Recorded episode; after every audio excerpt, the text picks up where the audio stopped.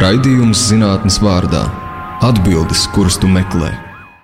Ceturtdienās, septiņos vakarā. Labvakar! Šis raidījums zinātnes vārdā ir Sivars Austers, un šogad pie mums ciemos ir um, Latvijas Universitātes astronomijas institūta direktors Kāls Salmiņš. Labvakar, Kāli! Labvakar! Es gribu sākt ar tādu mazliet uh, ironisku, paradoxālu, bet uh, tomēr socioloģiskās aptaujas rezultātu. Pirms uh, desmit gadiem SKDS uztaisīja aptauju.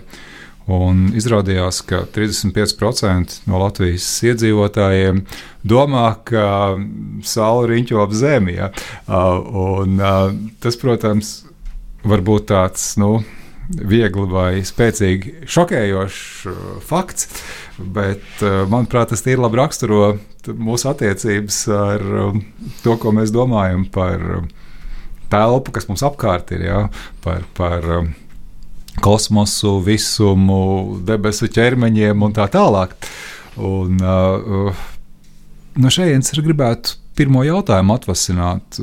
Kā jums šķiet, cilvēkiem vispār pa īstam interesē tas, kas notiek ārpus nezinu, kaut kādas visuma robežas, nu, cik tālu lidmašīna lido, nu, cik tālu visiem interesē vai ne, bet kas tur tālāk? Nu, tā poētiski droši vien jā, ir skaists mēnesis vai ir pilnmēnesis, mm. bet cik tālu sniedz tādu vidēji sabiedrības pārstāvju zināšanas par visiem šiem jautājumiem? Nu, šeit es varu spriest tikai no savas personiskās pieredzes un ar kontaktiem no cilvēkiem, kas ir teiksim, ārpus manas profesionālās vidas. Jā. Nu, ir dažādi. Es šeit negribētu tā, tas, protams, ir 35%. Jā, tas ir tāds, nu, Bet arī citās valstīs ir līdzīgs cipars. Es teiktu, atceros, ah, ir līdzīgi. Ja? Mm. Esmu dzirdējis arī, jā, tas. Bet tas arī parāda drusciņu nu, tādu kā nu, jā, problēmas izglītībā. Bet skolā mācās astronomiju. Kādreiz jau mācīja. Tur bija reizes nedēļā šķiet. Kādreiz bija, bet tagad es pirms šīs sarunas arī aprunājos ar kolēģi Ilgonu Vilku, kas strādā arī pie astronomijas mācīšanas metodikas un sadarbojas ar skolotājiem. Pašlaik astronomija ir iekļauta dažādās nu, citu zinātņu blokos, teiksim, vai nu dabas zinātnēs, vai astronomijas elementi ir vai nu fizikā ielikti. Un tāda atsevišķa astronomijas kursa nav. Tā vispār ir arī pašreizējā pasaules pieredze. Vienīgā valsts, kur kādu laiku bija tiešām mācīta astronomija atsevišķi, tā esot bijusi Grieķija. Galu galā astronomijas dzimtene. Jā. Urānijas vēl aizvien, vēl aizvien mūsdienās. Jā. Mūsdienās es neesmu drošs, jā, bet vismaz kādu laiku atpakaļ tā bija, ka tā mm -hmm. Grieķija bija praktiski vienīgā valsts, kur astronomija tika mācīta kā atsevišķs priekšmets. Bet kā ir universitātē, jau šobrīd jau nav, vai ne? Vismaz bakalaura līmenī. Ir, ir, ir, ir, ir astronomija. Ir, ir astronomijas kurs. Ah, kurs, jā, jā, bet nu, kā uh, programma, kur grādu dabūt. Nē, pašlaik tāda nav. Mm -hmm. Pašlaik strādājam pie maģistra programmas, arī, kas būtu teiksim, astronomijas specialitātē. Ja, tur kopā ar uh, kolēģiem no Vēncpils starptautiskā radioastronomijas mm -hmm. centra ir izveidot nu, teiksim, kursi, ja, un tas skatīsimies tālāk. Nu, astronomijai, kā jūs pieminējāt, ir milzīga nozīme zinātnīs attīstībā kopumā, vai ne? Un, un um, droši vien, ka mēs pat uh, ikdienā bieži neiedomājamies, ka saknes kaut kādām ikdienā lietotām um, tehniskām mm. ierīcēm. Nu, es pat nedomāju šobrīd par GPS vai tādām lietām, vai ne, kas ir kļuvusi kaut kas pašsaprotams, bet uh, nu, tādā tehniskā nozīmē, ja, ka daudzi um, nu, fizikas likumi taču arī ir atvasināti no uh, sākotnēji uh, astronomijas, vismaz ideju līmenī. Jā, te, te ir tāds interesants fakts, ne, ka astronomija attīstījās valstīs, kurās bija spēcīga flote. No. Ja, teiksim, mēs paskatāmies uz Portugāles karogu. Portugāles karogā ir astrolaps, astronomijas mm. instruments. Visas šīs valsts bija jūras valsts, viņas kļuva turīgas, un tur arī attīstījās astronomija. Jo vajadzēja noteikt kuģu atrašanās vietu gal galā, lai tur nonāktu pie mērķa. Tā bija liela problēma, kurā tika ieguldīta liela līdzekļa. Tur attīstījās arī matemātika. Ja. Piemēram, logaritma radās tieši uh, praktiski vajadzība, vajadzēja rēķināt. Ši, šis man šeit Burvīgi, burvīgi, burvīgi piebildu, ko jūs tikko pateicāt, ja, ka, uh, ja mēs runājam par skolu, par mācīšanu, ka daudzas uh, lietas, daudzas jautājumas neaplūko kā sākotnēji praktisku problēmu. Vai ne? Tagad uh, tur skolotājs vai skolotāja iznāk klases priekšā un tās, nu, šodien mēs jums stāstīsim par logaritmiem, vai ne? Un kaut ko tur sāk, tur kaut kāds vienādojums, vai ne? Un tagad mm. tur izvedums un tam līdzīgi. Bet uh, tas, kā jūs pateicāt, man šķiet ir burvīgs uh, veids, kā par šo domāt. Ja? Ja es braucu ku, ar kuģi, man ir jāorientējas, man vajag kādu stabilu atskaites punktu, un zvaigznes par to var kalpot. Jā, jā tieši tā. Tieši tāpēc arī radās debesu ķermeņa kustības teorijas. Jā, faktiski visi lielie matemātiķi, ko mēs zinām, kur vārdā ir nosaukts teorēmas, kuras māca, teiksim, matemātikā, tur Ležandrs, Lagrange, Eilers, es droši vien vēl daudz citi, Klero. Visi nodarbojas arī ar astronomijas un arī ar geodēzijas problēmām. Tie bija tieši arī praktiski uzdevumi. Zemes forma, izmēri, kā mēs nosakām, kur mēs atrodamies. Un matemātiķiem liels izaicinājums bija mēnesis kustības teorija tieši arī šī mhm. iemesla dēļ. Jo uz tā, koordinātu noteikšanas kuģi tā bija sarežģīta lieta. Te arī interesanti piebildi, ja aizbraucam uz Ainaņu jūras skolu, kur Latvijā mācīja jūrnieks. Tur var redzēt studentu pierakstu klāstu, tur var redzēt astronomiju. Mm -hmm. Un, un arī mūsdienās orientēšanās pēc zvaigznēm, neteiksim, nāk atpakaļ modē, bet arī ASV jūras kara flote, piemēram, ir atjaunojusi navigāciju pēc zvaigznēm, mācību kursu virsniekiem. Un tas ir uh, vienkārši kā domāšanas treniņa rīks, vai tas ir arī, ja nu gadījumā uh, kaut kas notiek. Un, Jā, radioelektroniskā kara līdzekļi attīstās, un liela konflikta gadījumos radio navigācijas sistēmas, kas balstās uz radio, kā teiksim, GPS jā, vai kādu citu, var tikt traucēts. Mm. Un mhm. tāpēc vajadzīga alternatīva kontrole, ja, kur mēs īsti atrodamies. Nu jā, tas ir tas vecais stāsts, ka no vienas puses ir baigais prieks, ka viss tev ir kabatā, mobilā telefonā, bet no otras puses, tā, kad tev pazūd mobilais telefons, tad tev viss ir pazudis. Jā.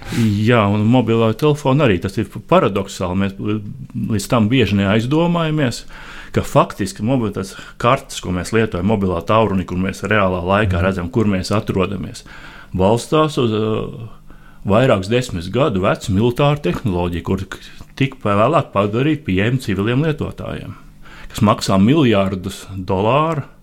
Un tad faktiski nu, mēs katru reizi, kad mēs skatāmies kartē, mēs lietojam miljardus dolāru vērtu infrastruktūru, kas ir publiski pieejama faktiski visiem planētas nu, Zemes iedzīvotājiem. Un tas pieredums jau ir tāds, ka daudzi mm. jau ir atraduši vispār papīra kartu lasīt, jā, un varbūt mm. pat ir kādi. Nu, tagad, tagad tas ir tāds vecs, vecs cīniķis skatījums, vai ne? Kad izaugusi ir jauna paudze, kas vispār nesaprot, ko darīt ar papīra karti. Jā, tas tāpat kā iedeva veco, vecu paraugu telefonu, lūdzu, uzgri, salikt jā, jā. numuru. jā, jā ir, ir, ir redzēti tie video, ja, ka jaunieši uh, mēģina. Uh, jā, bet uh, kas ir ar to? Es vēl gribu apsīt par to vēstur, vēsturisko uh, skatījumu. Uh, tas jautājums, kā visums ir cēlies, uh, viņš ir aktuāls vai tas tiek uzskatīts, ka nu, labi, tur bija pareizi 20. gados, laikam, ja nāca klajā ar šo teoriju, ka tas lielais sprādziens ir bijis. Pirms uh, 13 miljardiem gadu apmēram, un, un, un, un tāds viss ir sācies. Uh, Kā jebkura teorija, pagaidām tā ir vispār pieņemta, bet tas nenozīmē, ka tas tā ir. Var tikt atklāti jauni fakti, ja, kas mums liks uh, vai nu pielabot, vai grozīt. Teiksim, ļoti interesanti pēdējā Džeimsa Webta kosmiskā teleskopa. Pirmie rezultāti pagaidām tur pārāk agri nu, izdarīt spriedumu, bet tāda iespēja vienmēr ir. Ja, mums var nākties grozīt priekšstats, kā viss tā visums funkcionē. Mm -hmm. Jā, uh, un um, ejot tālāk, kas vispār ir tie jautājumi, kas astronomijā ir nu, tādi populārākie. Jo vienmēr jau ir nu, zinātnīs nozarēs kaut kas, kas patīk, vai ne, kas ir tas. Uh, nu, Žargonā sakot, mainstreams vai nekam, nu, pat šī vārda pozitīvā nozīmē, uh, kas, kas uh, pētniekiem šķiet interesanti, kur viņi domā, ko, ko, ko varētu izdarīt, un, un, un kas vēl svarīgāk, droši vien, ko ir gatavi finansēt arī. Jā, nu šeit man ir nu, grūti atbildēt. Tas interesanto jautājumu lokus ir ļoti plašs. Ir, ir tāda ļoti jauka grāmata, ko mēs nezinām. Tas tieši saistīts ar astronomiju kosmosu. Viņi, tur šie jautājumi ir uzskaitīti. Ir daudz lietas, kurām mums vienkārši nu, jādomā, kā tur tāpat tumšā matērija un tumšā enerģija, mm. jā, piemēram. Varbūt tādas nemaz nav. Varbūt tas ir no, teiksim, kļūda novērojumais vai to interpretācijā, un tas vienkārši, kad mēs nāk klāt jaunas zināšanas, izrādās, ka tas līdzīgi kā siltumradim vai kādam citam, no, nu, vienkārši ir nu, prāta konstrukcija. Arī pilnīgi iespējams.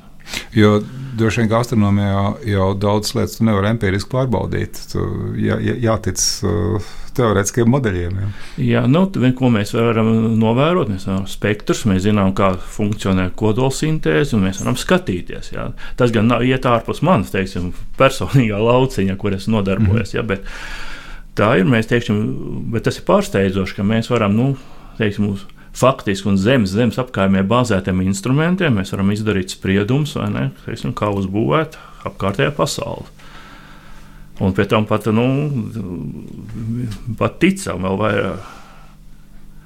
Jo tur ir tā, jo tālāk, jo parādās lielāka nenoteiktība. Tas ir diezgan loģiski, ja, jo tur ir tāda lieta, ka, nu, kā nosaka attālums visumā, ja, un arī kosmosā. Un tā ir tāda attāluma trepīte, saucamā, ja, teiksim, kā mēs nosakām attālumu līdz mēnesim, kā mēs nosakām attālumu Saules sistēmā, planētu izmērs, kā mēs nosakām attālumus līdz zvaigznēm un tā tālāk. Ja. Un tur ir nu, varbūt pārsteigumi vienā brīdī.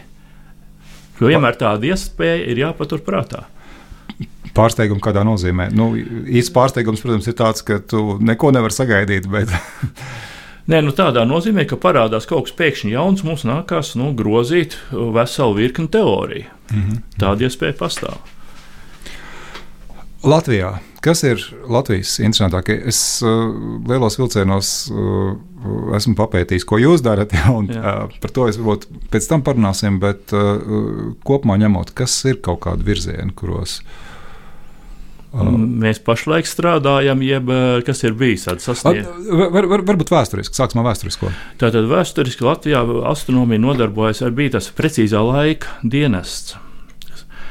Tagad, starp citu, drīz būs astronomijas institūts simtgadu un tiks atvērts muzeja telpas, kurās varēs apskatīt šo vēsturiskos laika dienesta instrumentus.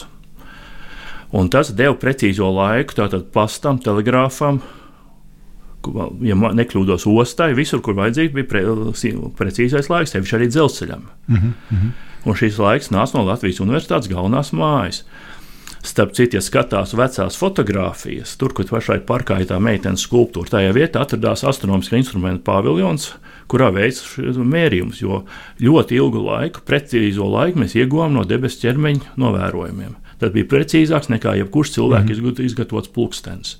Un šī situācija mainījās tikai salīdzinoši nesen. Bet kā tas uh, pareizais laiks tika? Nu... Es lietošu, vien nepareizu terminu, bet uh, nogādāts līdz uh, patērētājiem. Ja, nu līdz. Tie bija precīzā laika signāli. Mm -hmm. Sākotnēji tas metodas bija dažādas. Es jau šeit varu kā nelielu vēsturisku izziņu. Tajā pašā jūrniecībā kuģi iegāja ostā, un karā bija teiksim, noteiktā laikā, teiksim, pulksten 12. izšāva lielgabals. Mm -hmm. Šī tradīcija vēl dažās ostās ir saglabāta. Vai arī, teiksim, bija tāds saucamā signāla būma, ko atkal pēc iespējas precīzāk nolaida. Tas ir, uh, tad visi zina, ka jā, ir precīzi. Šobrīd 12. ir 12. Jā, jā tieši tā. Un savs, var pieskaņot savus pulksteņus pirms dodas jūrā. Mm -hmm. Mūsdienās tas ir ielaidis elektriskā signāla palīdzību, un pašlaik to dara teiksim, arī teiksim, GPS palīdz, no, navigācijas pavadoņi palīdz ne tikai nodrošināt mums koordinācijas, bet arī precīzo laiku.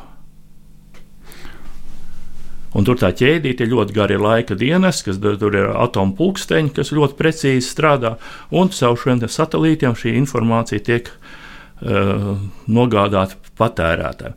Eksistē arī paralēlā avoti. Radiosignālos var iekodēt, teiksim, arī precīzā laika signāli. Ir viena radiostacija Vācijā, kas mm raida. Teiksim, ja pērk saucamo pulksteni, kur reizēm ir rakstīts, ka viņš tur sinhronizējās. Viņš strādā par radio, uztvertos radiosignālus un pats koriģē sevi. Mm -hmm.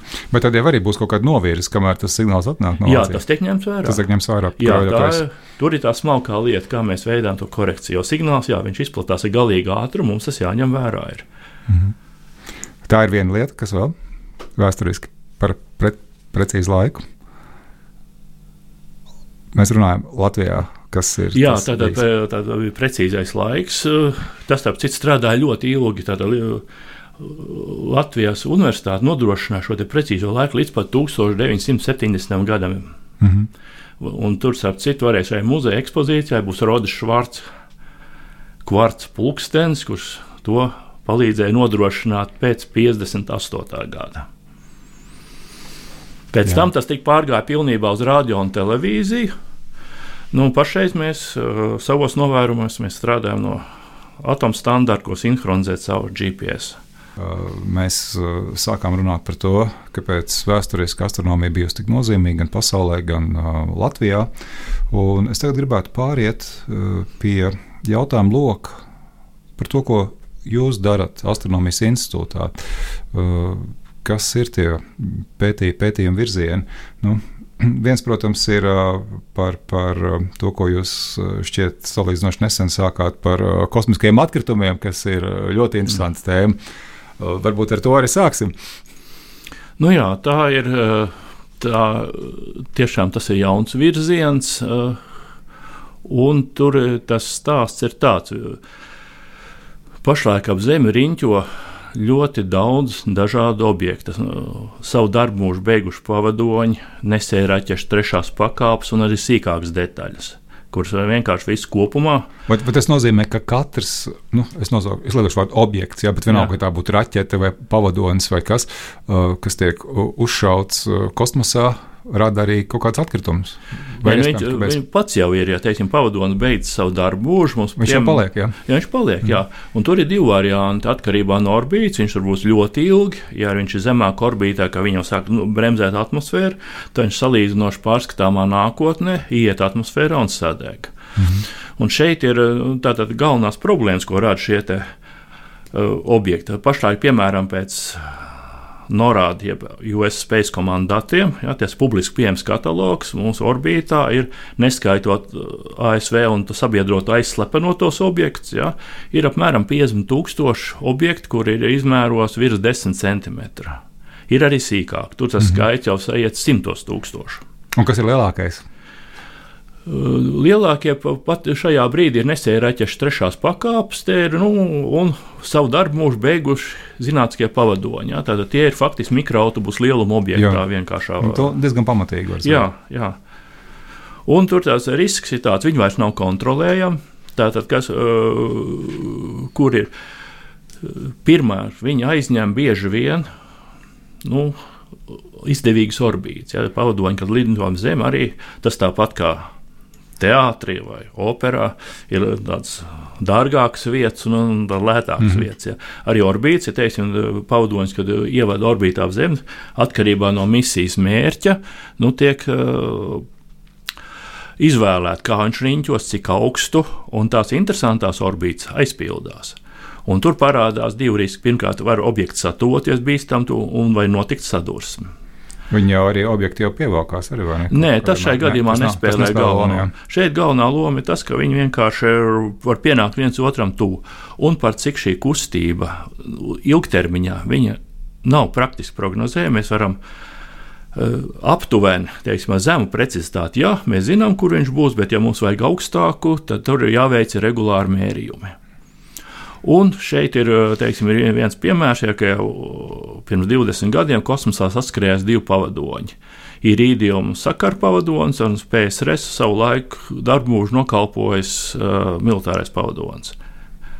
Un tur bija, teiksim, pēc tiem provizoriskiem datiem, bija rādīts, ka viņi palidos apmēram 500 metru attālumā. Mhm. Praksē viņi sadūrās un radīja kaudzi ar sīkiem sīkām atlūzām. Tā ir tā līnija, kas gāja bojā. Jā, jā, jā. jā, un tā ir liela problēma. Jo tās sīkās atlūzas, ņemot vērā kustības ātrumu, rada briesmas gan citiem pavadoņiem.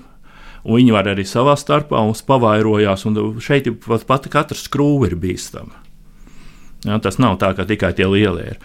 Un tā ir tā problēma, ka teiksim, mums uh, apdraud šos strādājušos pavadoņus, aizņem orbītas, Un tātad viens no uzdevumiem ir ne tikai kataloģizēt, identificēt, ja, lai viņi zinātu, mm -hmm. kas tas ir, ja, kā viņš lido, un arī nepārtraukt faktiski. Viņi ir jāveic nu, viņa monitorings, ja ne, uzraudzība. Vai, vai tas nozīmē, ka tagad, uh, rēķinot jaunu pavadoņu orbītas, nu, kur tu gribi palaist, ir jāņem vērā katrs krūvīte, kas tur ir? Kā tas tā notiek? Nē, tas tā nav, bet vienkārši ir jāņem, bet atsevišķos gadījumos, kā piemēram okeanogrāfiskie pavadoņi, kuriem, teiksim, nu, ir tas, kā viņi lido, tur viņi lido ļoti tuvu viens otram. Mm -hmm. Tāpat tās ir sintētiskās apertūras radāri, teiksim, kas būvēja attēlus, teiksim, kā stēro attēlu, viņš, teiksim, divi paudoņi viens aiz otru lido, viņi ir tuvu, jā. Un, ja viņas, kad viņas beigs kontrolēt, tur būs jādomā, ko darīt, jā, jo viņam degvielas resursus nav bezgalīgs. Ja? Vienā brīdī mēs, mums viņi par kontroli pār viņu zūd. Vai varbūt arī tā, ka tagad, teiksim, nejaušības pēc arī pazūd tas pats GPS, tā sistēma, tie pavadoņi, kaut kas iziet no ierīces, vai tie ir Viņu... uztaisīti tā, ka, ja tur kaut kāda daļa pazūd, tad nekas traks. Nē, nu, tur, protams, ir sistēmā ir iebūvēta, kā saka, zinām, rezervi, ir rezerves pavadoņi, bet pavisam nesen bija gadījums, ka viena veca nesērāķets trešā pakāpe pietuvojās bīstam tuvu vienam no Eiropas, Eiropas navigācijas Galileo pavadoniem. Ja, tas bija tāds arī gadījums, kur teiksim, arī pamatoši tā, tas Eiropas šitā European Space mm -hmm. Surveillance pamatojumā, ja, ka teiksim, šeit ir ļoti dārga infrastruktūra, un tas ir fakts, kosmosā ir ļoti dārga infrastruktūra, no kuras mēs faktiski jau esam atkarīgi. Mm -hmm. Un šeit nav, nav runa tikai telekomunikācijas, precīzā laika sinhronizācija, drošība. Un tas jau ir apmēram tuvojās tam pašam līmenim, kā teiksim, elektropa vai ūdensvats. Mm -hmm. uh, bet ko dara? Nu, teiksim, ir iespējams arī kaut kā izķert, vai, nezinu, vai, vai, vai piespiest šos objektus, uh, lidot zemāk un ieiet atmosfērā un sadegt. Un, uh, kā, kā, jo, jo, jo tagad jau aizvien vairāk, aizvien vairāk būs, tad reizēm būs tā kā pilnīgi nekoordinēta lielceļa satiksme vai kaut kas tāds, ja tādu metaforu vispār izmantot. Jā, un tieši tāpēc gan ASV, gan arī Eiropas Savienībā tiek izstrādāta to sauc par Space Traffic Management, vai ne? Tieši tā izveidot kaut kādus nu, principus, ja, pēc kādiem tur organizēt satiksmi, jo satiksme augšā ir dzīve.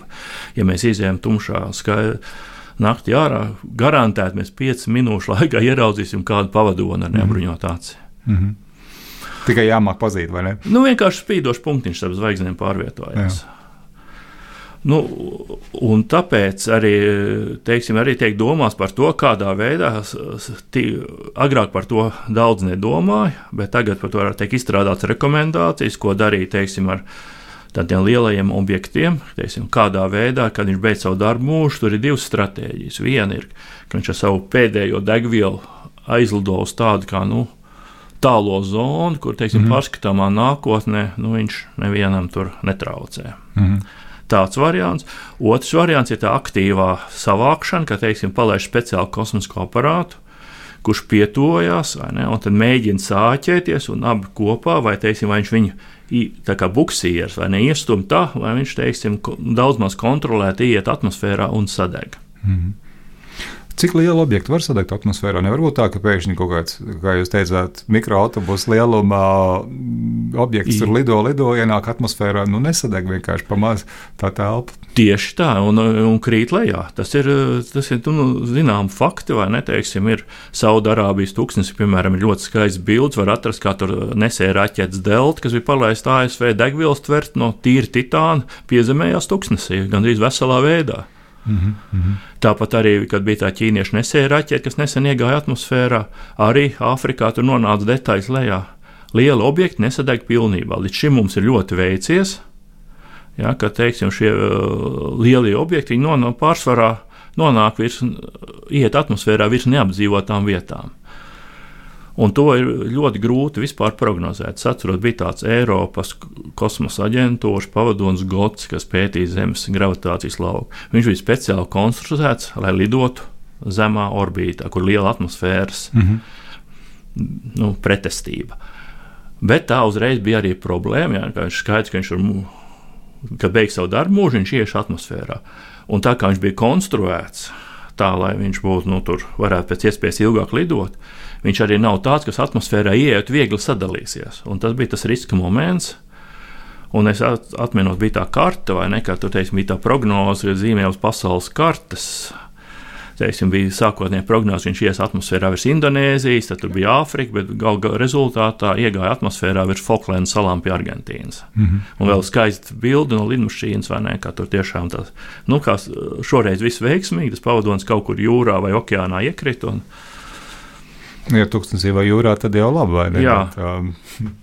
Tas, starp citu, arī viens no riskiem. Tā tad ir mēs pieminējām to Space Surveillance and Tracking. Tad tur ir arī šie tā saucamie fragmentācijas notikumi, kāds objekts var kosmosā arī sadalīties sīkākās daļās, vai nu sadursmes, vai pats savā.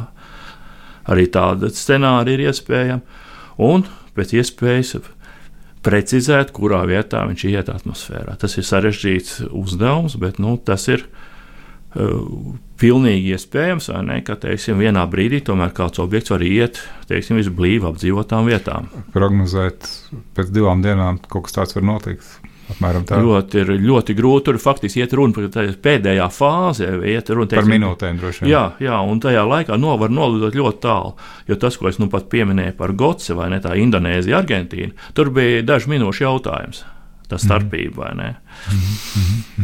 Cik es saprotu, jums ir divi, divi galvenie virzieni institūtā. Ja viens uh, attiecībā uz šiem kosmiskiem atkritumiem, vai ne viens ir uh, vienkārši kataloģizēts, nu, uh, piedalīties tajā, ka jūs noskaidrojat, kas, kas kur ir, jā, un, un otrs, ja es pareizi saprotu, arī jautājums par to, kādā veidā to vislabāk darīt un attīstīt šīs idejas?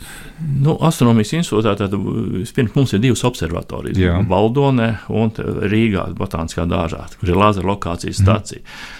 Lāzera lokācijas stacija vēstures galvenā funkcija bija precīza koordinātu noteikšana. Uz Zemes. Jā, nevēl tur tūmā atrodas Latvijas geodēziskās, Nacionālās geodēziskās sistēmas sākuma punkts. Mm -hmm. Tieši iemesla dēļ, ka pēc neatkarības atgūšanas, ne, kas sasaistīja Latvijas geodēzisko tīklu ar Eiropas un pasaules, vai ne? Tad mums bija tie mērījumi, kas ļāva to sasaistīt. Un šī te tehnoloģija nav primārā šai SST. Uzreiz jāsaka, tur uh, kataloģēšanas uzdevumu veids radari. Tas uzreiz ir duālā pielietojuma, tie militārie radari pārsvarā. Bet mums teiksim, tagad arī kā lāzera lokācija atsevišķos gadījumos var izsināt un teiksim, palīdzēt precizēt orbītas, kad notiek tā saucamā tuvā satošanās. Tā, tur ir tas, tas mūsu jaunais lauciņš. Vai, vai tas nozīmē, ka tagad tā sadarbība ar militārām institūcijām arī kļūst tāda ciešāka, vai tā jau ir bijusi jau ļoti sen droši vien, bet mm. uh, viņa kļūst uh, publiskāka vai. Uh, Jo, jo nu, jā, nu, teiksim, tas pats īrbēns lokators vai ne, nu, kā, nu, tas vēsturiski jau tas bija pilnīgi vai ne, nu, jā. pa, pasākums, lai, lai spiegotu. Jā, bet, nu, jā, tas bija mūsdienās tas ir kaut kas pilnīgi cits. Jā, tā, nu, tehnoloģija var izmantot ļoti daudzām lietām, ir duāls pielietojams.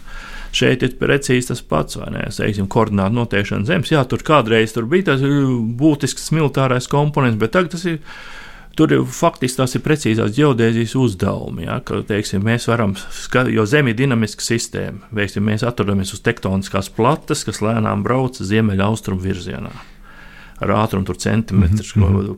pusotru centimetru gadā. Nu, to mēs varam nomērīt. Un tas arī nu, tā, tā kopainā, ja, tas veido to, kādā veidā tā, tas kontinents, jeb tektonisko plašu drēbes precīzāk, nu, jo tur tas viss saistīts ar vulkānismu, zemestrīcēm un, starp citu, arī ar klimatu. Tad mūsdienu geodēzija ir astronomija. Vai? Tas ir ļoti cieši saistīts. Mm. Bija. Tā geodēzijas praktiskā daļa, kas nodarbojas ar zemes gabaliem, ja, bet teiksim, tā, kas nodarbojas ar zemes formu, gravitācijas, tur ļoti pārklājās. Tas ir tur bieži vien tas sadalījums ir nedaudz pat mākslīgs. Jā, jo, teiksim, bija tā pati atkal vēsturē paskatās, tur viss gāja roku rokā. Mm -hmm. nu, jā, un, un tad tas, tas mēs, mēs novirzījāmies tajā brīdī, kad mēs runājam par to, ka jūs stāstījāt, ka nu, notiek kā, koordinēta sadarbība ar dažādām militārām um, mēra institūcijām, sauksim tā, dažādām lo, lo, mm. lokatoru sistēmām un tam līdzīgi. Nu, kā es to sapratu? Tas ir tā, tu, tur ja mēs šajā gadījumā tad jābūt ir, saka, precīziem, mēs tajā e, ir tā Eiropas. Ja mēs sākam runāt par kosmiskiem atkritumiem, mm -hmm. tā ir tā Eiropas tā kosmosa programmas sastāvdaļa, šī tā, kas saucās Space Surveillance and Tracking. Tajā iet tā pašai to jauno pa, vecā partnerība sastāvēja no piecām, pēc tam pievienojas valstīm. Tur bija sākotnēji Lielbritānija, Francija, Vācija, Spānija, Itālija. Pievienojās vēl Polija un Rumānija. Mhm. Tagad jaunais ietver, ko partnerība veidojas, ir piedalās jau 15 valsts, tā skaitā arī Latvija. Tur piedalās arī, piemēram, mūsu kaimiņiem Somija, arī Zviedrija, Nīderlande, kas no tādām, kur, kurš līdz šim šajā nozarē nu, īpaši arī nedarbojas, tāpat kā mēs, mums ir teiksim, drusku citi akcenti. -hmm. Un, Tur ir tā lieta, ka par tādiem kosmiskiem objektiem ja, ir arī tas, nu, tas drošības aspekts, ka ir arī pavadoņi, kur ir nu, teiksim, izlūku pavadoņi, specializēta komunikācija pavadoņi, kur nu, skaitās kur ir militāri. Bet, bet tā nevar izdarīt. Es, es, es iestraukšos. Nevar izdarīt tā, ka to kaut kādā veidā uh, sakoordinē to atkritumu plūsmu tādā veidā, lai notriektu tos militāros ienaidnieku pavadoņus, vai tādā virzienā ar kaut ko nedomā. Te ir tā, ir cita, tā ir tāda interesanta. Nu, jā, tāda problēma ir. Par to arī saka, kuluāros runā. Teiksim, ir ļoti grūti identificēt kubsatu piedarību. Oh. Kubsats var parādīties ļoti lielā skaitā. Teiksim, tur tā apmēram tā kā no maisa izber ārā, mhm. burtiski. Jā. Kam viņi pieder? Jā, bet pie tādiem ātrumiem, kāda ir kosmosa arī sadursme ar, ar kaut kā ar kubsatu, jā, var būt nu, teiksim, lielākiem objektiem letāla.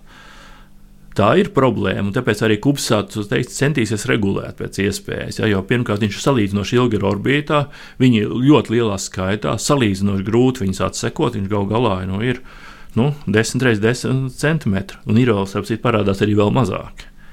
Un ir, protams, arī lielāki. Bet, jebkurā variantā, viņas ir salīdzinoši grūti identificēt, kam tas īsti pieder. Mm -hmm. Teiksim, tur parādās tas, ka mums tur sadūrās pavadonis.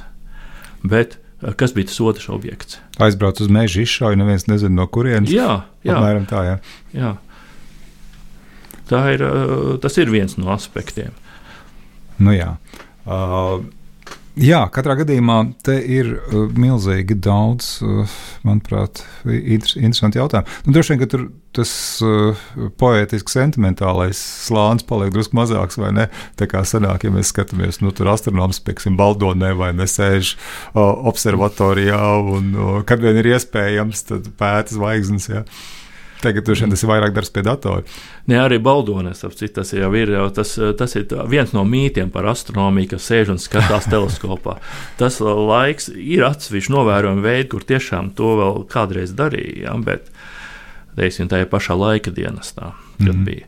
Bet pašlaik tas viss faktiski mēs strādājam ar sensoriem. Mums ir CCD kameras un, un darbs ir teiksim, nu, Bet, datorinda, datorekrāniem. Un, vienkārši pienāk signāli. Tas, jā, mēs skatāmies, jā, tur ir teleskopu kustību kontrols, viss mums ir. Bet tāds, eh, teiksim, amatieru astronoms, kurš grib no sava balkona lūkoties zvaigznēs, eh, tas jau ir iespējams arī, vai ne? Protams, un to dara. Te starp citu, es varu ar nelielu līrisku atkāpu. Mums bija astronomijas seminārs, kur mēs ar lekcijām braucam. Eh, un tur mums bija reta izdevība redzēt Tu biji arī nu, pārsvarā tie astronomi ar saviem teleskopiem. Redzētu Falkonu, to Elāna Maska nesēja raķeti mm -hmm. darbā virs Latvijas teritorijas. Jā, skats bija ļoti iespaidīgs, jo mēs neesam kosmodroma tumā un strādājošu raķeti lidot, ka viņa augšējos atmos, virs atmosfēras lido. Tas ir nu, nepārāk bieži. Mm -hmm uh, trāpīt, ko viņi tie, nu, jā, virs, virs Latvijas tieši jā, nu, mēs vienkārši pat nezinājām. Pirmā brīdī mēs nodomājām, ka nu, tā, tas bija lidošais šķīvis, ja tas tur tā mazāk, bet uh, to, ka raķeti to ātri norentējamies, bet nevarēja saprast, no kurienes un kam tā pieder.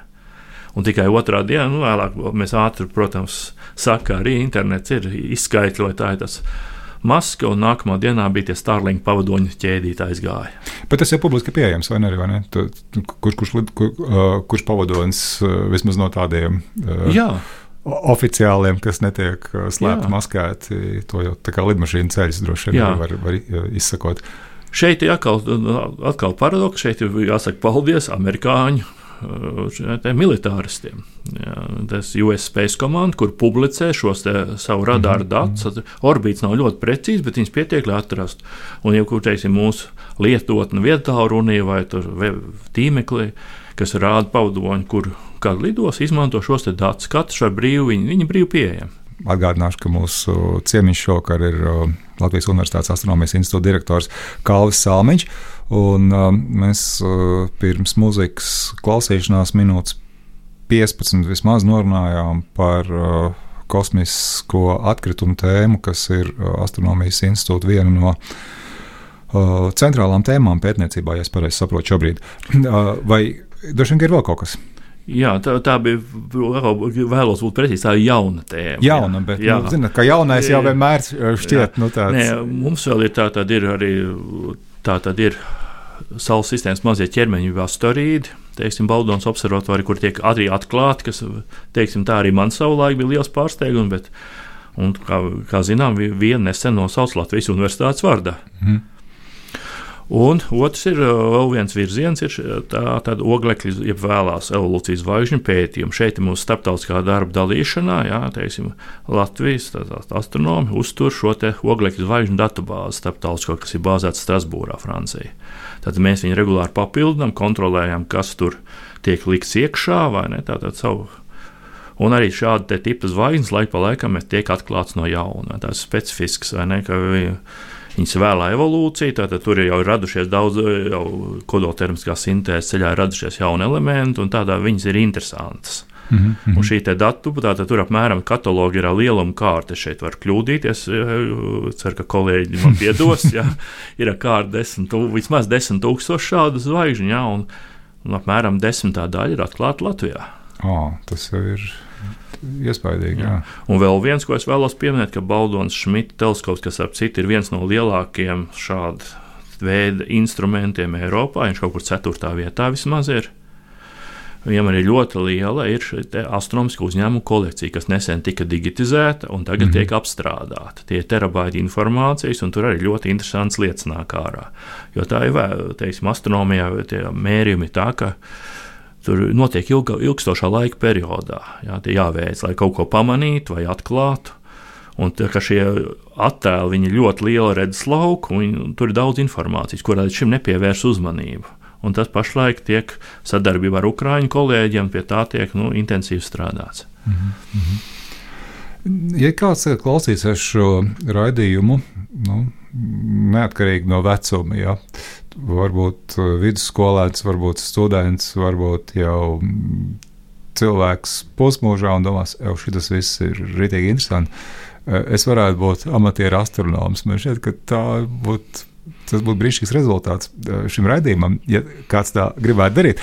Bet uh, jautājums, ar ko, ar ko sākt? Uh, vai tur var kaut kādas padomas teikt, vai, vai uzreiz tagad ir jāpērk tas teleskops un jāskatās, kas droši vien ir jauki, ja to dara, bet es pieņemu, ka tas nav vienīgais veids, un varbūt pat ne pirmais un nesvarīgākais.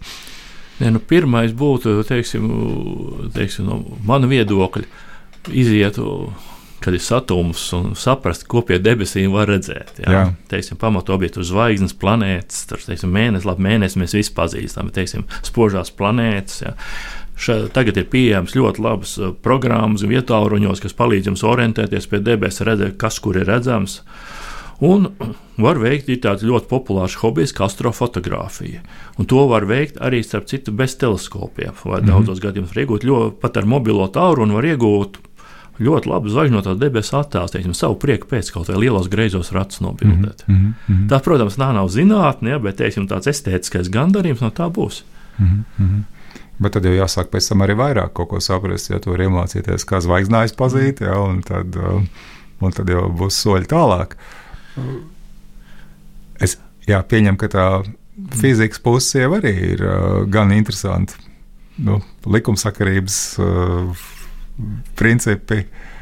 Nu, jā, bet tas jau prasa tādu nu, iedziļināšanos. Jā, jo, teiksim, viens no tādiem, ko varbūt teiksim, mēs redzam, ka ir kāds objekts, kas kustās ap zvaigznēm. Jā, teiksim, zvaigznes pārsvarā nu, labi, mums ir diennakts rotācija, mēs redzam, ka tur, tur debesu spīdekļi lec un riet. Mm -hmm. Bet ir teiksim, pavadonis vai kāds cits objekts, kas kustās ap zvaigznēm. Kā mēs varam pateikt, vai viņš ir orbītā ap Zemi, vai viņš ir orbītā ap Sauli, vai tas vispār ir viesis no starpzvaigžņu vidas. Kā to var pateikt? Īsumā tas, ir orbī, tas ir orbītas noteikšanas metodas, ja, ka mēs skatāmies, kas tas ir, un tālāk jau tur seko analīze. Mm -hmm. Tā ir glīta matemātika, un atkal pie tās, starp citu, arī daudz matemātiskās metodas radās tieši, kad tika atklātas tā saucamās mazās planētas, vai ne? Tad Gauss izstrādāja, tur arī parādījās mazāko kvadrātu metodi. Mm -hmm. Tie, kas studē un kam ir darīšana datu apstrāde, to noteikti zinās. Mm -hmm. Nu jā, tad e, īstenībā, ja tu tagad e, tādā skaidrā rudens vakarā, nu, kad stereotipiski ļaudis e, skatās, kas notiek debesīs, tad šis jautājums ir ļoti svarīgs. Ap ko te, šis te kustīgais punktiņš kustās? Jā? Kas ir tā orbīta? Jā, te, nu, bija 2014. gadā, kad bija reģistrētas viesis, no, kas ne, nepiederēja Saules sistēmai. Bija tāds objekts, viņam bija tāds uh, nosaukums no havajiešu valodas. Man liekas, to ļoti grūti izrunāt, un es ar viņu neņemos ne uzrakstīt, ne izrunāt. Jā, to tāds ne, bija tāds. Nu, lūk, to tā, tādā veidā detektēja, ka viņš nav, nepieder, nav mūsu saules sistēmai piederīgs. Jā. Nu, tur ir šeit neliela līriska atkāpe. Ja, teiksim, bija arī teorija, un atkal mēs viņu pilnībā nevaram izslēgt, ka iespējams bija cits planētiešu kosmosa kuģis. Ja. To, protams, visi tur zobojās. Noliedz, ja, bet mēs to nevaram pierādīt. Ja. Bija, ir projekts, un es nezinu, vai viņš joprojām, nu, jo tas prasa naudu, ka varētu palaist kosmisko misiju, kas 26 gadu laikā viņi panāktu šo objektu. Oh. Mm -hmm. Un te varētu paskatīties tuvāk. Jā, bet, nu, protams, finansējumu šādai lietai diez vai atradīs. Bet pabeidzot to līrisku atkāpi, Arthūram Clarkam ir tāds fan, zinātnīs fantastiskais romāns Randevu iz Rāmai, mm. kur tieši šitais nu, notika. Saules sistēma ielido kāds nezināms objekts un dodas kosmiskā misija skatīties, kas tas īsti ir. Droši vien, ka šī tēma nav tā, ko kādas valsts valdība labprāt gribētu finansēt, vai ne, uh, saprast, kas tur notiek ar NLO, vai tomēr kāds to dara. Jā, no NLO tas ir atsevišķs temats. Tas atkal ir zinātnē, ka reizē mēs varam pētīt tikai to, kuru mēs, teiksim, mēs varam atkārtot to mērījumu, un mums ir pieeja viņam. Jā. Mm. Šai gadījumā ir saka, vai nu vienreizējs notikums, vai arī nu, mēs neesam tam gatavi. Ne, nu, droši vien teorētiski arī to varētu mēģināt kaut kā modelēt. Nē, nu ir viens projekts, un bija tas viens, ko es teicu, 26 gadu laikā panākt, ir otrs palaist jau gatavu aparātu. Kurš vienkārši gaidīt, un teiksim, var prognozēt, ka kādu tuvāko desmitu gadu laikā kaut kas līdzīgs varētu parādīties. Un tādā gadījumā mums jau ir gatavs. Jā. Tad nevajag 26 gadus. Jā, tad, jā, tad uzreiz ar diviem, trijiem. Tad, jā, nu, divi, trīs tur, tur ar, ar varētu būt ņemot vērā šos mērogus un kādā veidā kosmiskie manevri notiek. Jā, tur arī tas teiksim, lieluma kārt būtu desmit gadi. Jā, varbūt jā, tas tā, tā arī tie minējumi. Bet uh, tas jau būtu, ka viss mums ir, kas mēs tam esam gatavi. Mm -hmm. Strādājot astronomijā, vai tas neiemāc arī tādu nu, kaut kādu dzīves viedumu. Uh, nu, piemēram, ka tavs problēmas īstenībā nav nekas, ja tev viens uh, svešķermenis, ja tu gribi panākt, un, un ja to vispār var izdarīt, nu, kas ir ielidojis mūsu saules sistēmā, svešķermenis tādā nozīmē, uh, 26 gadus, un tas jau ļoti ātri, vai ne? Tas jau tā kā vispār tur trijās minūtēs, vai ne? Uh, vai tas neiemāc arī uz, uz ikdienas notikumiem savādāk skatīties? Mm, tas ir individuāli. Jā. Ikdienas problēmas skar visus, gan astronomus, gan fiziķus. Jā.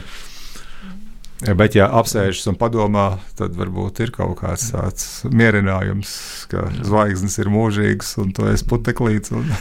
Jā, man atkal gribās vienu piemēru no literatūras, tas Douglas Ādams, Hitchcock Guide to Galaxy, jā, ka Zeme tas paskatāmies kontekstā, tas ir apsūnojis akmens gabals, kas riņķo ap nepārtrauktu vaļēju kodolsprādzienu.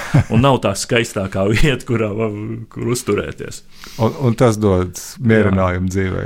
Nu, ne, ne mierinājumu, bet tādu kontekstu. Teiksim, ļoti, mēs esam brīžiem esam ļoti centrēti uz Zemi, jā, bet ja, tāpēc arī astronomi ir interesanti, ka to Zemi noliek pie vietas. Mēs paskatāmies kosmiskos mērogos, jā, kas tas ir. Iegūst cits skatu punkts, cits perspektīvu uz to ko tu domā, ka tu esi centrā. Nu, mēs sākām šodienas sarunu ar to, ka daudz cilvēku domā, ka Saula riņķo ap zemi, vai ne, ka mēs esam tas, tas centrs. Nu, empirisks novērojums, ja izējām no rīta. ļoti, ļoti dabiski, jā, jā. un ļoti saprotam, ļoti saprotam. Uh, beigsim arī šeit šo sarunu, ja, ka no astronomijas var iemācīties droši vien arī tādu uh, savā ziņā pieticību un citu skatu punktu ieņemšanu uz to, kas ar tevi notiek. Um, tātad šoreiz zinātnes vārdā viesojās uh, Latvijas Universitātes astronomijas institūta direktors uh, Kalvis uh, Salmiņš. Paldies, Kalvi, par sarunu! Un, Radījumu šoreiz vadīja Ivars Austers. Tiekamies atkal pēc divām nedēļām. Raidījums zinātnes vārdā - atbildes, kuras tu meklē. Ceturtdienās, septiņos vakarā